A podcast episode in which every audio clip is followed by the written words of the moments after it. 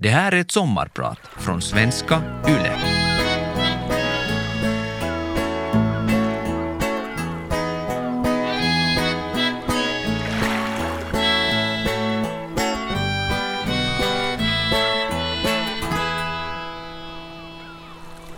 Jag är upprymd, lättad, lycklig, men samtidigt oerhört förvirrad. Det är sen eftermiddag den 26 mars 1993. Jag har nyss bevittnat en nedkomst. Så här känns det alltså att bli pappa. Konstigt, euforiskt och väldigt främmande. Jag är trött, förstås inte lika trött som barnets mor, men avtrubbad av allt vakande, all spänning och ja, hela kalaset. Förhoppningen var naturligtvis att kunna vara med när barnet föds, och så blev det, lyckligtvis. Men kvällens teaterföreställning kom allt närmare och jag hade hela eftermiddagen varit inställd på att tvingas ge mig av. Teater? Mm.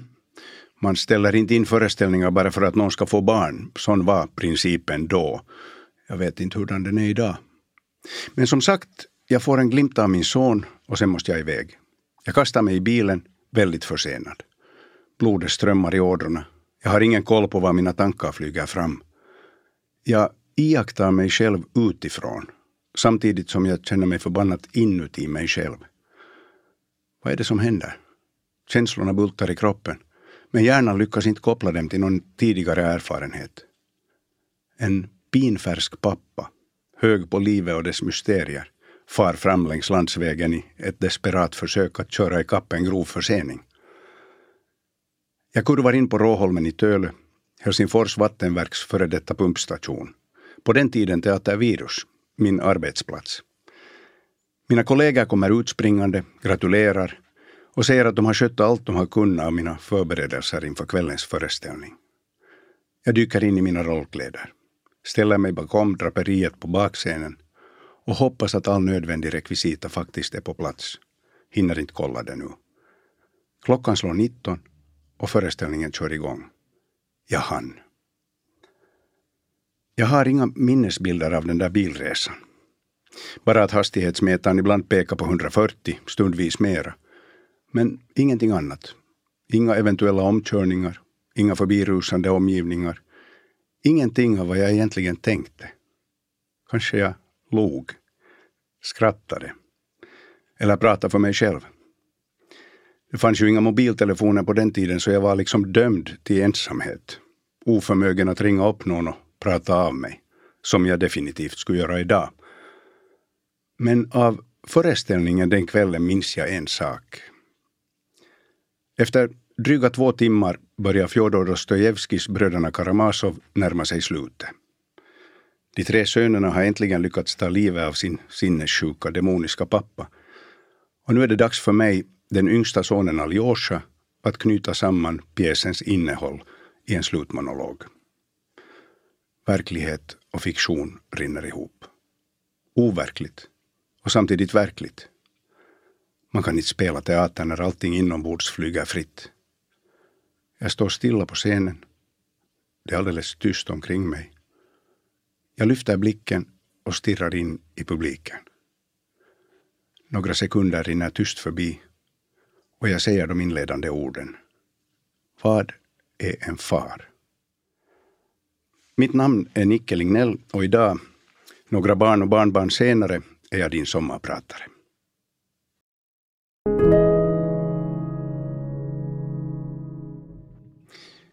Vi är alla omgivna av fäder. Kanske. Våra egna pappor. Eller deras pappor. Styvfäder, svärfäder, adoptivpappor, bonuspappor, drömpappor, lånepappor, pappafigurer. Fäder på ett eller annat sätt fadersgestalter. Där det saknas en pappa fyller någon annan tomrummet, i bästa fall. Jag växte upp på landet i Bromarv i slutet av 60 och början av 70-talet. En liten kyrkby med två butiker, bank, ett litet apotek, folkskola och givetvis en kyrka. Jag blev faktiskt döpt i den gamla kyrkan i Bromarv, en av landets äldsta träkyrkor tills den tragiskt nog brann ner 1979.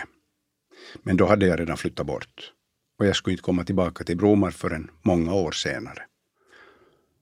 Bromar ligger i de allra västligaste delarna av Nyland och är till utformningen lite som Hangö.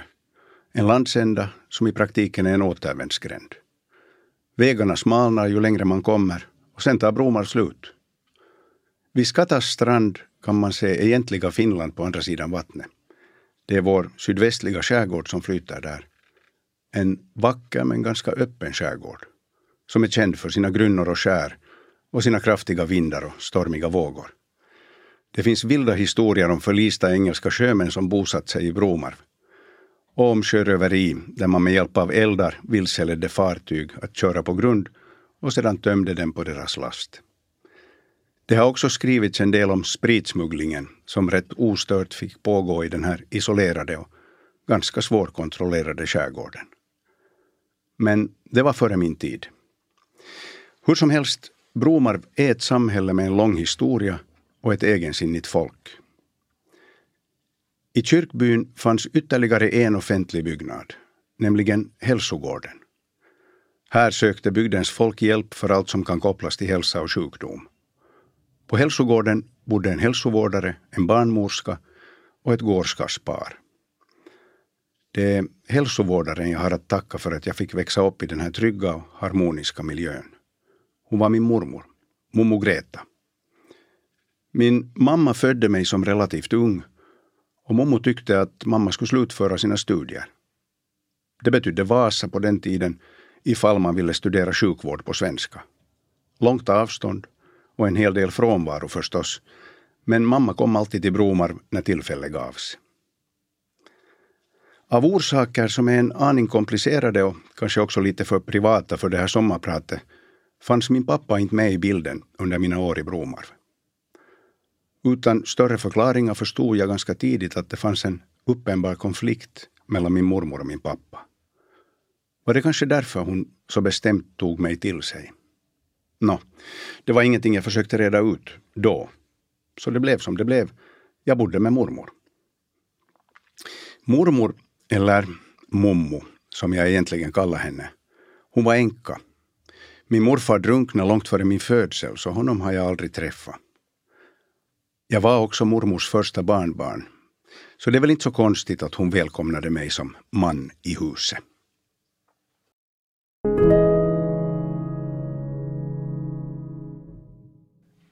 Mina minnen från barndomen säger mig att kvinnorna runt mig hade förmågan att låta barnen smälta in i de dagliga sysslorna. Liksom bli en del av det liv som sakta flyter fram, med allt vad det innebar av arbete och vardagssysslor. Barnen ryms liksom med. Och som så ofta förr i tiden sköttes barnen på landet ofta av en större krets än kärnfamiljen. Så när det behövdes en hjälpande hand fanns den att tillgå. I mitt fall hos gårdskarlsparet. Linnea och Gunnar, eller farbror Gunnar. Han blev en fantastisk fadersgestalt. Det är någonting jag insett först långt senare. Farbror Gunnar han tog mig med i de flesta sysslor som angick hälsogården. Vi kunde skotta snö, sopa trappor, snickra, skyffla kox, vända lövkomposten, bränna vass på isen på vintern eller klippa gräs på sommaren. Om det blev tid över så kunde vi bygga en snökoja eller på sommaren bara sitta och fundera tillsammans. Också hans fru, tant Linnea, var en varm och hjälpsam person.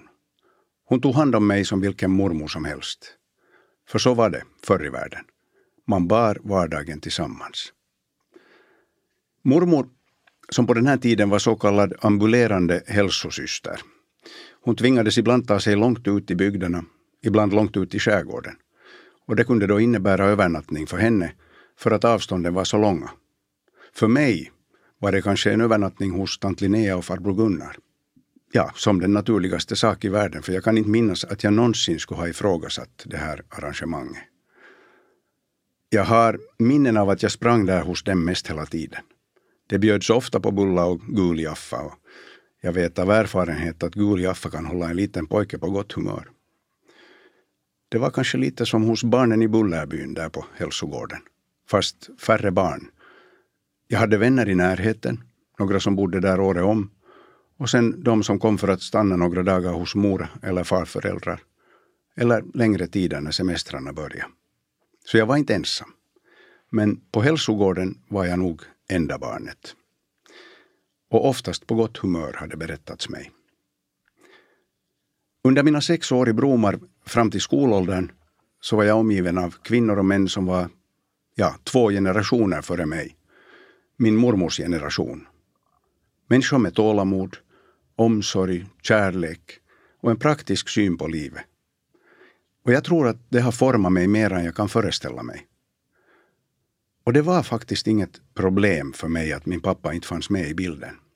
Det gavs en del förklaringar, jo, men det hela kändes aldrig frustrerande eller speciellt konstigt. Han var bara inte där. Förutom några korta besök då och då. Så det fanns ett ansikte, det fanns en röst, men inte en närvaro, inte en vardag. Så blev mormor småningom pensionerad och jag skulle börja skolan. Och då flyttade vi till Ekenäs. Nu hade mormor all tid i världen. Kanske ville hon inte ens släppa greppet utan höll mig kvar. Med korta dagar i början var det dessutom väldigt praktiskt att ha mormor att gå till efter skolan. Så huvudsakligen bodde jag kvar hos henne långt in i lågstadiet. Det var först senare som jag skulle flytta hem och på heltid bo och leva under samma tak som mina föräldrar. För att min mormor gick bort. Plötsligt. Utan förvarning. I ett sjukdomsanfall. Och då var jag redan på gränsen till tonåring.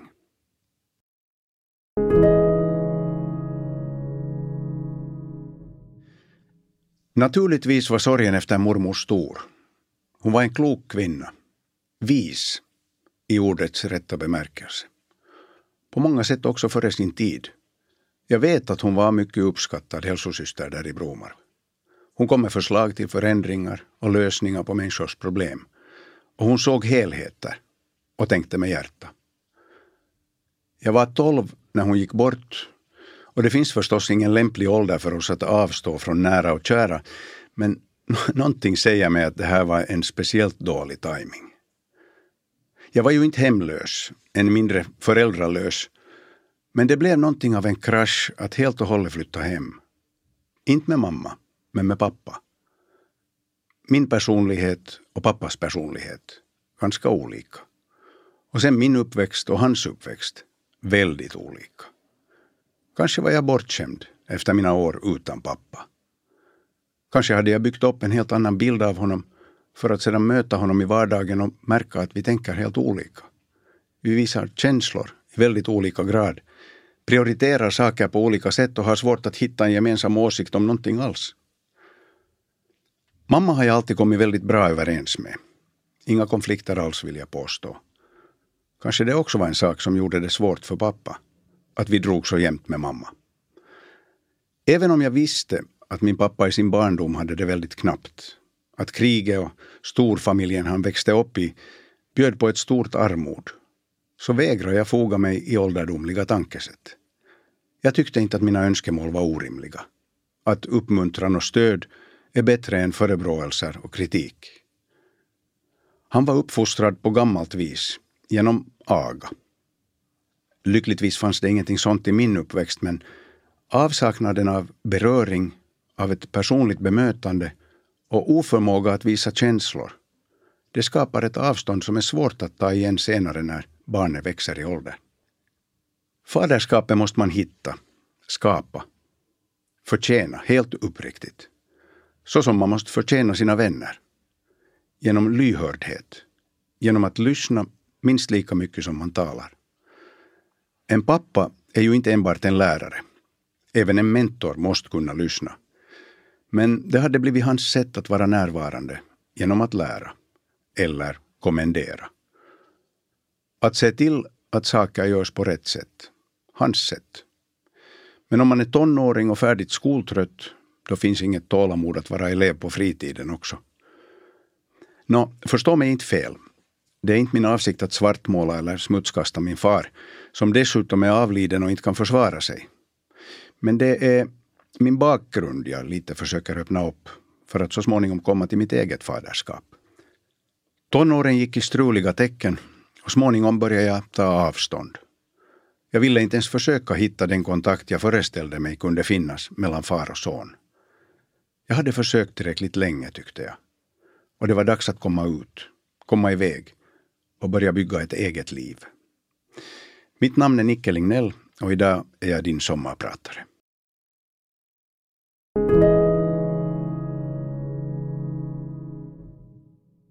Jag träffade Rakel, min blivande hustru, i maj 1992. Sen gick allting väldigt snabbt. Jag fick omedelbart en dotter, som jag senare adopterade.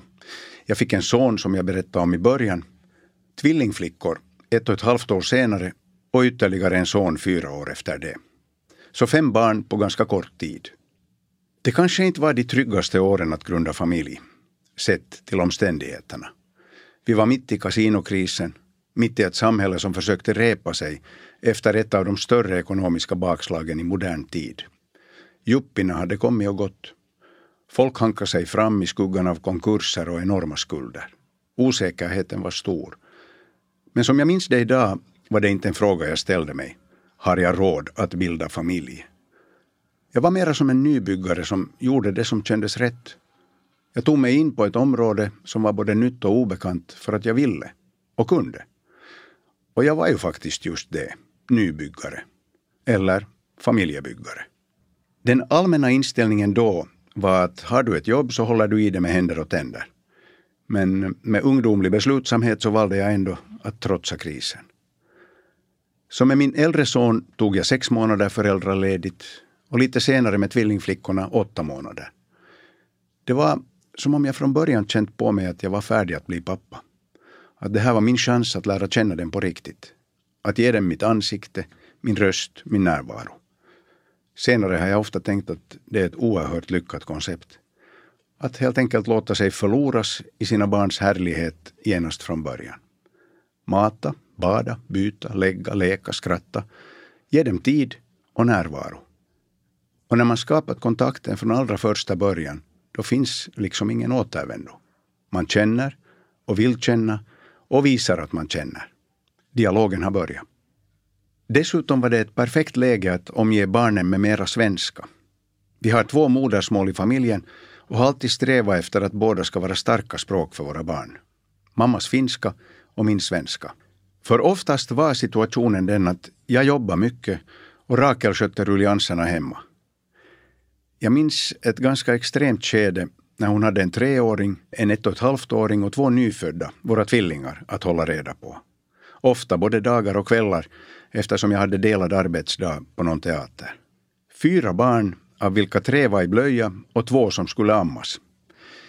Det var ju inte så att jag gick på öl efter föreställningarna precis.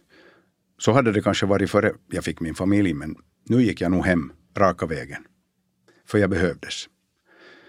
Men eftersom en teaterföreställning oftast slutar någon gång efter klockan 21 så fanns det kvällar då hon på något mirakulöst sätt hade lyckats bada, mata, amma och till sist sjunga fyra barn till söms. Innan jag ens kom innanför dörren. Det var kanske inte läge för mig att beklaga mig över arbetströtthet just de kvällarna. Men det kändes rätt att ta över ansvaret när hon en tid senare ville slutföra sina studier vid Sibeliusakademin. Och det var då jag insåg vilken stor gärning hon gjorde när hon faktiskt gav mig ansvaret. Hon tog sin violin på morgonen, vinkade farväl och gick för att spela några timmar. Det avgörande var att hon inte berättade vad jag skulle göra. Vilka kläder jag skulle sätta på barnen, vilken mat jag skulle ge dem och vilken tid det nog var viktigt att lägga tvillingarna på dagssömn. Hon gav mig fria händer. Ingen fjärrstyrning. Inga lappar på köksbordet. Ingen genomgång av dagsschema så att jag vet vilka saker jag bör göra innan hon kommer hem. Hon litade på mig och gav mig utrymme. Och det gjorde att jag också tog ansvaret. Jag skapade sådana rutiner som jag tyckte fungerade. Jag organiserade om i köksskåpen, jag flyttade och rumsterade. Och när jag sen meddelade om förändringarna så sa hon bara bra. Kanske det är så. Att den pappa som får ansvaret också tar ansvaret. Fjärrstyrning fungerar bra med elektronik men inte med pappor.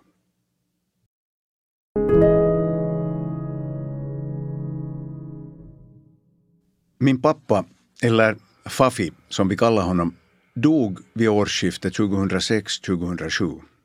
En hjärtattack. Men de sista åren fram till hans död, de gav mig huvudbry. Han blev aggressiv. Inte fysiskt, men i sitt förhållningssätt. oberäknelig och framförallt snar i humörsvängarna. Det kom långsamt krypande. Känslan av att hans engagemang var för stort i vissa frågor. Han var besatt av någon slags rätt och feltänkande, av misstankar kring det mesta. Det ledde till en omåttlig envishet som så gott som alltid slutade i dispyter. Med mig, med min familj, med min mamma och egentligen vem som helst som tyckte annorlunda. Mina egna barn som vid den här tiden var ganska små, de förstod inte Fafi överhuvudtaget. De undrade varför han var så bestämd. Under semestern på stugan i Bromar kunde han närma sig med någon fråga och när jag sen meddelade min åsikt så tog det eld i honom. Långa föreläsningar om vad som var det enda rätta. Enda möjligheten att få slut på monologerna var att vandra en bit bort med honom i släptåg och sen bara ta striden till slut. Men det fanns ju inga lösningar. För så snart en fråga var avklarad så skulle han reda ut nästa. Nu i efterhand är det ju uppenbart. Men det tog länge för oss att inse att den här hetska och labila mannen nog led av någonting annat än enbart envishet. Han drogs med en minnessjukdom, kanske Alzheimer, och Gud vet sen hur länge. Vi förblev utan diagnos, för han vägrade in i det sista att låta sig undersökas. Och vi har ju väldigt stor självbestämmande rätt gällande våra personliga rättigheter i det här landet. På gott och ont. Det är svårt att tvinga någon till vård. Men för de närmast anhöriga är det nog inte lätt alla gånger att bara titta på. Så när hjärtattacken kom var det som en lättnad. En förbarmelse över en man som inte längre klarar av livets omständigheter. Mentalt. Fysiskt var han i otroligt gott skick. Flitig och stark ända till slutet. Men psykiskt var han plågad. Världen hade blivit ett hot. Och vi med den. Livet kommer med sina överraskningar när man minst anar. Jag nåddes av meddelande om min pappas bortgång dagen före nyårsafton 2006. Jag satte mig i bilen i Sibbo och körde till Ekenäs, plockade upp min mamma och tillsammans åkte vi till sjukhuset för att ta farväl av pappa. Det var sorgligt. Men det var också en lättnad, och inte minst för honom själv. Pappa skulle ha fyllt 78 den våren, så inte ett helt kort liv fick han. Men en bortgång är alltid en bortgång. Och sen kommer frågorna. De som jag inte hade fått svar på. Det blev som om dammen brast. Jag hade försökt föra diskussioner i åratal. Försökt skapa sämja, förtroende och ett lugn i tillvaron med pappa. Men det lät sig inte lyckas. Han bar på så mycket rädslor och komplex. Och någonstans visste jag hela tiden att han aldrig skulle dela med sig av allt han bar på. Det var låst. Sån var pappa. Och nu var tiden ute. Efter avskedet på sjukhuset tog vi en tur till Bromarv. Det fanns saker vi tyckte behövde skötas genast. Som ett, ja, ett omedelbart sorgearbete kanske. Det skulle visa sig vara ett katastrofalt val. För på vägsträckan mellan Bromarv och Tenala blev vi rammade av en rattfyllerist som inte lyckades hålla sig på sin sida av landsvägen. Väglaget var på sin höjd fuktigt men inte isigt eller halt. Så det finns faktiskt ingenting annat att skylla på än alkoholen. Och en frontalkrock med två bilar som vardera håller en hastighet på mellan 70 och 80 kilometer i timmen, det är ingen mjuklandning. Resultatet blev att jag trots säkerhetsbälte slog skallen i bilens ratt och fick en blödning som kunde ha varit ödesdiger, för att inte säga en avslutning. Men tack vare en erfaren och handlingskraftig ambulansförare som gjorde de rätta besluten och en, ja, framförallt högklassig finsk akutvård blev det en fortsättning på min historia. Mamma klarade sig oskadd fysiskt, men pappas bortgång dagen innan och sen krocken dagen därpå. Jag tror det talar för sig självt. Jag tänker inte gå in på detaljerna kring krocken.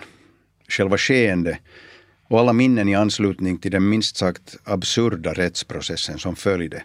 Allt det har jag för länge sedan valt att lämna bakom mig. Och det hade väl inte varit möjligt om jag inte på ett mirakulöst sätt fått återhämta mig fullständigt. Det som blev kvar av pappa var allt det han hade gjort med sina händer. Om han hade svårt att visa känslor i privata sammanhang så var han desto bättre på att visa omsorg, på avstånd. Ständigt på gång med något byggprojekt. Egnahemshus och sommarstuga. Och sen ytterligare en stuga på tomten intill. den som skulle bli mitt sommarparadis. Så efter en paus på 20 år kom Bromarv igen in i mitt liv för mig och min växande familj. Pappa tänkte långsiktigt. Han byggde och knega med begränsad ekonomi och noggrann planering. Han var nog också något av en legend när det handlade om att pruta. Jag kan föreställa mig att det fanns försäljare bland de lokala järnhandlarna som sprang och gömde sig när han närmade sig. Jag tror att det oftast var pappa som lade sista priset. Han var sparsam. Och han personifierade allt det som hans generation stått för. Vill man någonting, då måste man jobba för det. Vill man någonting extra, måste man jobba ännu mera. Arbete, inte så mycket fritid. Njuta hinner man sen någon gång. Min egen generation tänker förstås lite annorlunda. Man vill leva i nuet också.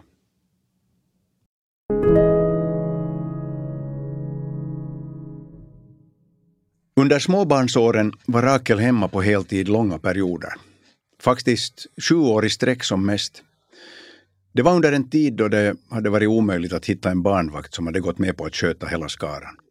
Men lyckligtvis fanns svärfar och svärmor att tillgå. Utan dem hade vi inte överlevt.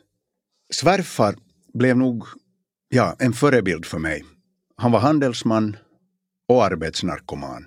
Tills hjärta krävde en bypassoperation och han blev sjukpensionerad. Och han var ung då, bara kring 50. Yngre än jag är idag. Och det tog honom hårt att inte längre kunna vara yrkesverksam. Men samtidigt erbjöds han tillsammans med min svärmor möjligheten att vara morfar på heltid. Att vara Okki. Och de gav sitt allt. De tog barnbarnen över veckoslut när vi behövde kunna jobba eller vila ut. De hämtade barnen från skolan, körde till musikskolan, idrottsträningar och kompisar. De ställde upp i ur och skur. När jag undrade om han faktiskt orkar med allting, sjukpensionerad och allt, så svarade han jag får energi av att vara med barnen. Jag torkar bort om jag måste sitta hemma. Och det var ju typiskt förr i tiden att far och morföräldrarna tog hand om barnbarnen medan den mellersta generationen jobbade. Svärfar hade jobbat och nu var det hans tur att hjälpa till i vårända. Maken till lugn och tålamod, det får man söka efter. Också visdom och ett stort mått taktfullhet. Våra duster kan man räkna på ena handens fingrar. Han var min svärfar i 20 år och jag är oerhört tacksam för de åren. Men somrarna var annorlunda. Då försökte vi alltid vara tillsammans, hela familjen. Då gjorde vi som folk gjorde förr i världen. Vi flyttade till landet, till Bromarv. Och det gör vi ännu idag. När vårsolen tittar fram, då väcks min Bromarvfeber. Och så har det alltid varit. Rakel och jag är frilans. Det har vi varit alla år. Så det där med semester är inte en fastslagen fyra till fem veckors ledighet som de flesta har. Ibland kan ett arbetsförhållande ta slut i april, vilket betyder att jag är ledig långt före sommaren. När barnen var under skolåldern så kunde vi tillbringa tio eller till och med tolv veckor på stugan. Jag kanske åkte in till stan och gjorde något mindre jobb för en dag eller två, men vi kunde som familj tillbringa hela långa sommaren på landet. Andra somrar var kanske kortare, om jag gjorde någon film eller tv-serie. Men målsättningen har alltid varit att ge barnen tid under sommaren. Som en kompensation kanske.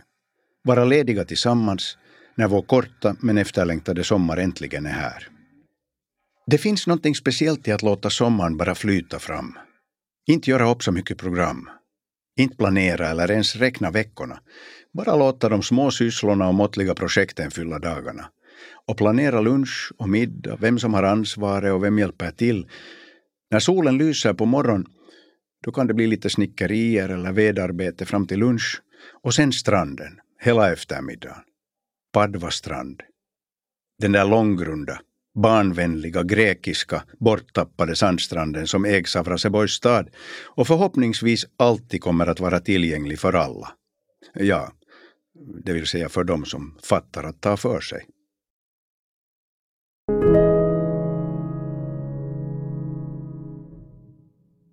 När jag sitter här och pratar är mina barn redan vuxna och utflugna sedan flera år. Och de har egna barn. Jag är morfar till tre barnbarn. Och så är jag också svärfar. Vi tar med oss saker hemifrån.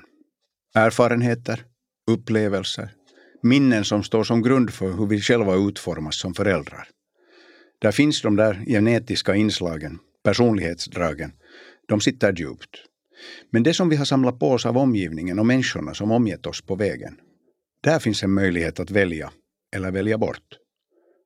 Det är uppenbart att jag bär på sidor som påminner om min pappa. En av mina döttrar säger att jag ofta mikromanagerar. Att jag försöker styra hur saker ska göras, i vilken ordning, hur noggrant och enligt vilken logik. Min familj skrattar åt det. Nå, det här är något som jag inte alltid ens märker själv.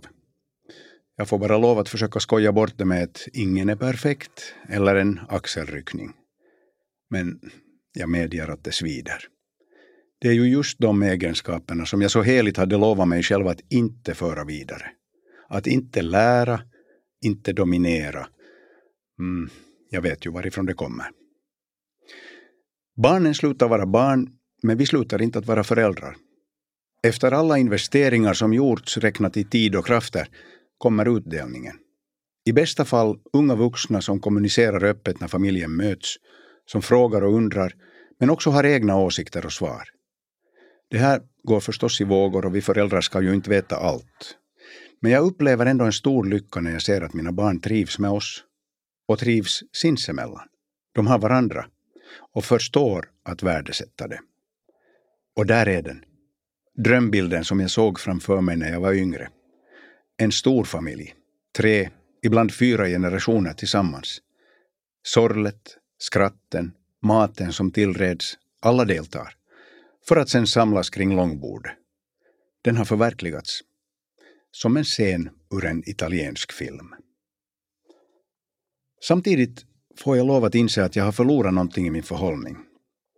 Jag får ibland tvinga mig själv att medge att efter alla åren som småbarnspappa finns det en dold utbrändhet inom mig. En undanstoppad utmattning som stundvis kommer till ytan. Det var fantastiska år och när jag tänker tillbaka finns det ingenting jag vill byta ut eller stryka bort. Jag vill absolut ha barnbarnen runt mig. Men samtidigt inser jag att mina resurser inte riktigt räcker till på samma sätt längre. Rakel har en otrolig drive när det gäller barnbarnen. Hon kan utan att blinka ta dem till oss över helgerna för tre, fyra, ja till och med fem dagar i sträck. Och det är härligt, speciellt eftersom det alldeles tydligt är så att de trivs med oss.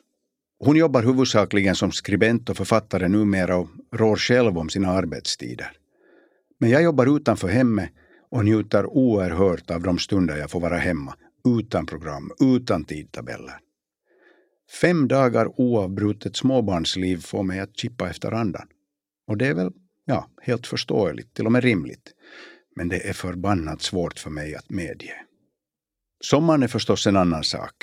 Det fria livet på stugan i Bromarv, det ger helt andra möjligheter. Där är jag tillbaka i det som var, då mina egna barn var små. Och det, det är därför jag så högt uppskattar alla de somrar som medvetet viktes för familjen, då. För barnen. Inga sommarteatrar för mig under åren som gått. Enda undantagen var filmerna. Annars Bromarv. Alltid Bromarv. Jag heter Nicke Lignell och idag har jag varit din sommarpratare. Jag hade föresatt mig att prata om faderskap, om mina faders gestalter. Men ju mer jag försökt fokusera på de här männen, desto starkare blir känslan att det är kvinnorna i mitt liv som format mig mest. Mormor, under mina första tolv år. Mamma, genom ödmjukhet och tillit till mig genom hela livet. Och Rakel, förstås. Under 30 år. Jag har kvinnliga vänner och kollegor också, med vilka jag har knutit oerhört starka band. Är det en följd av min uppväxt att det har blivit så? Nå, det får jag väl aldrig veta. Och egentligen, vad spelar det för roll?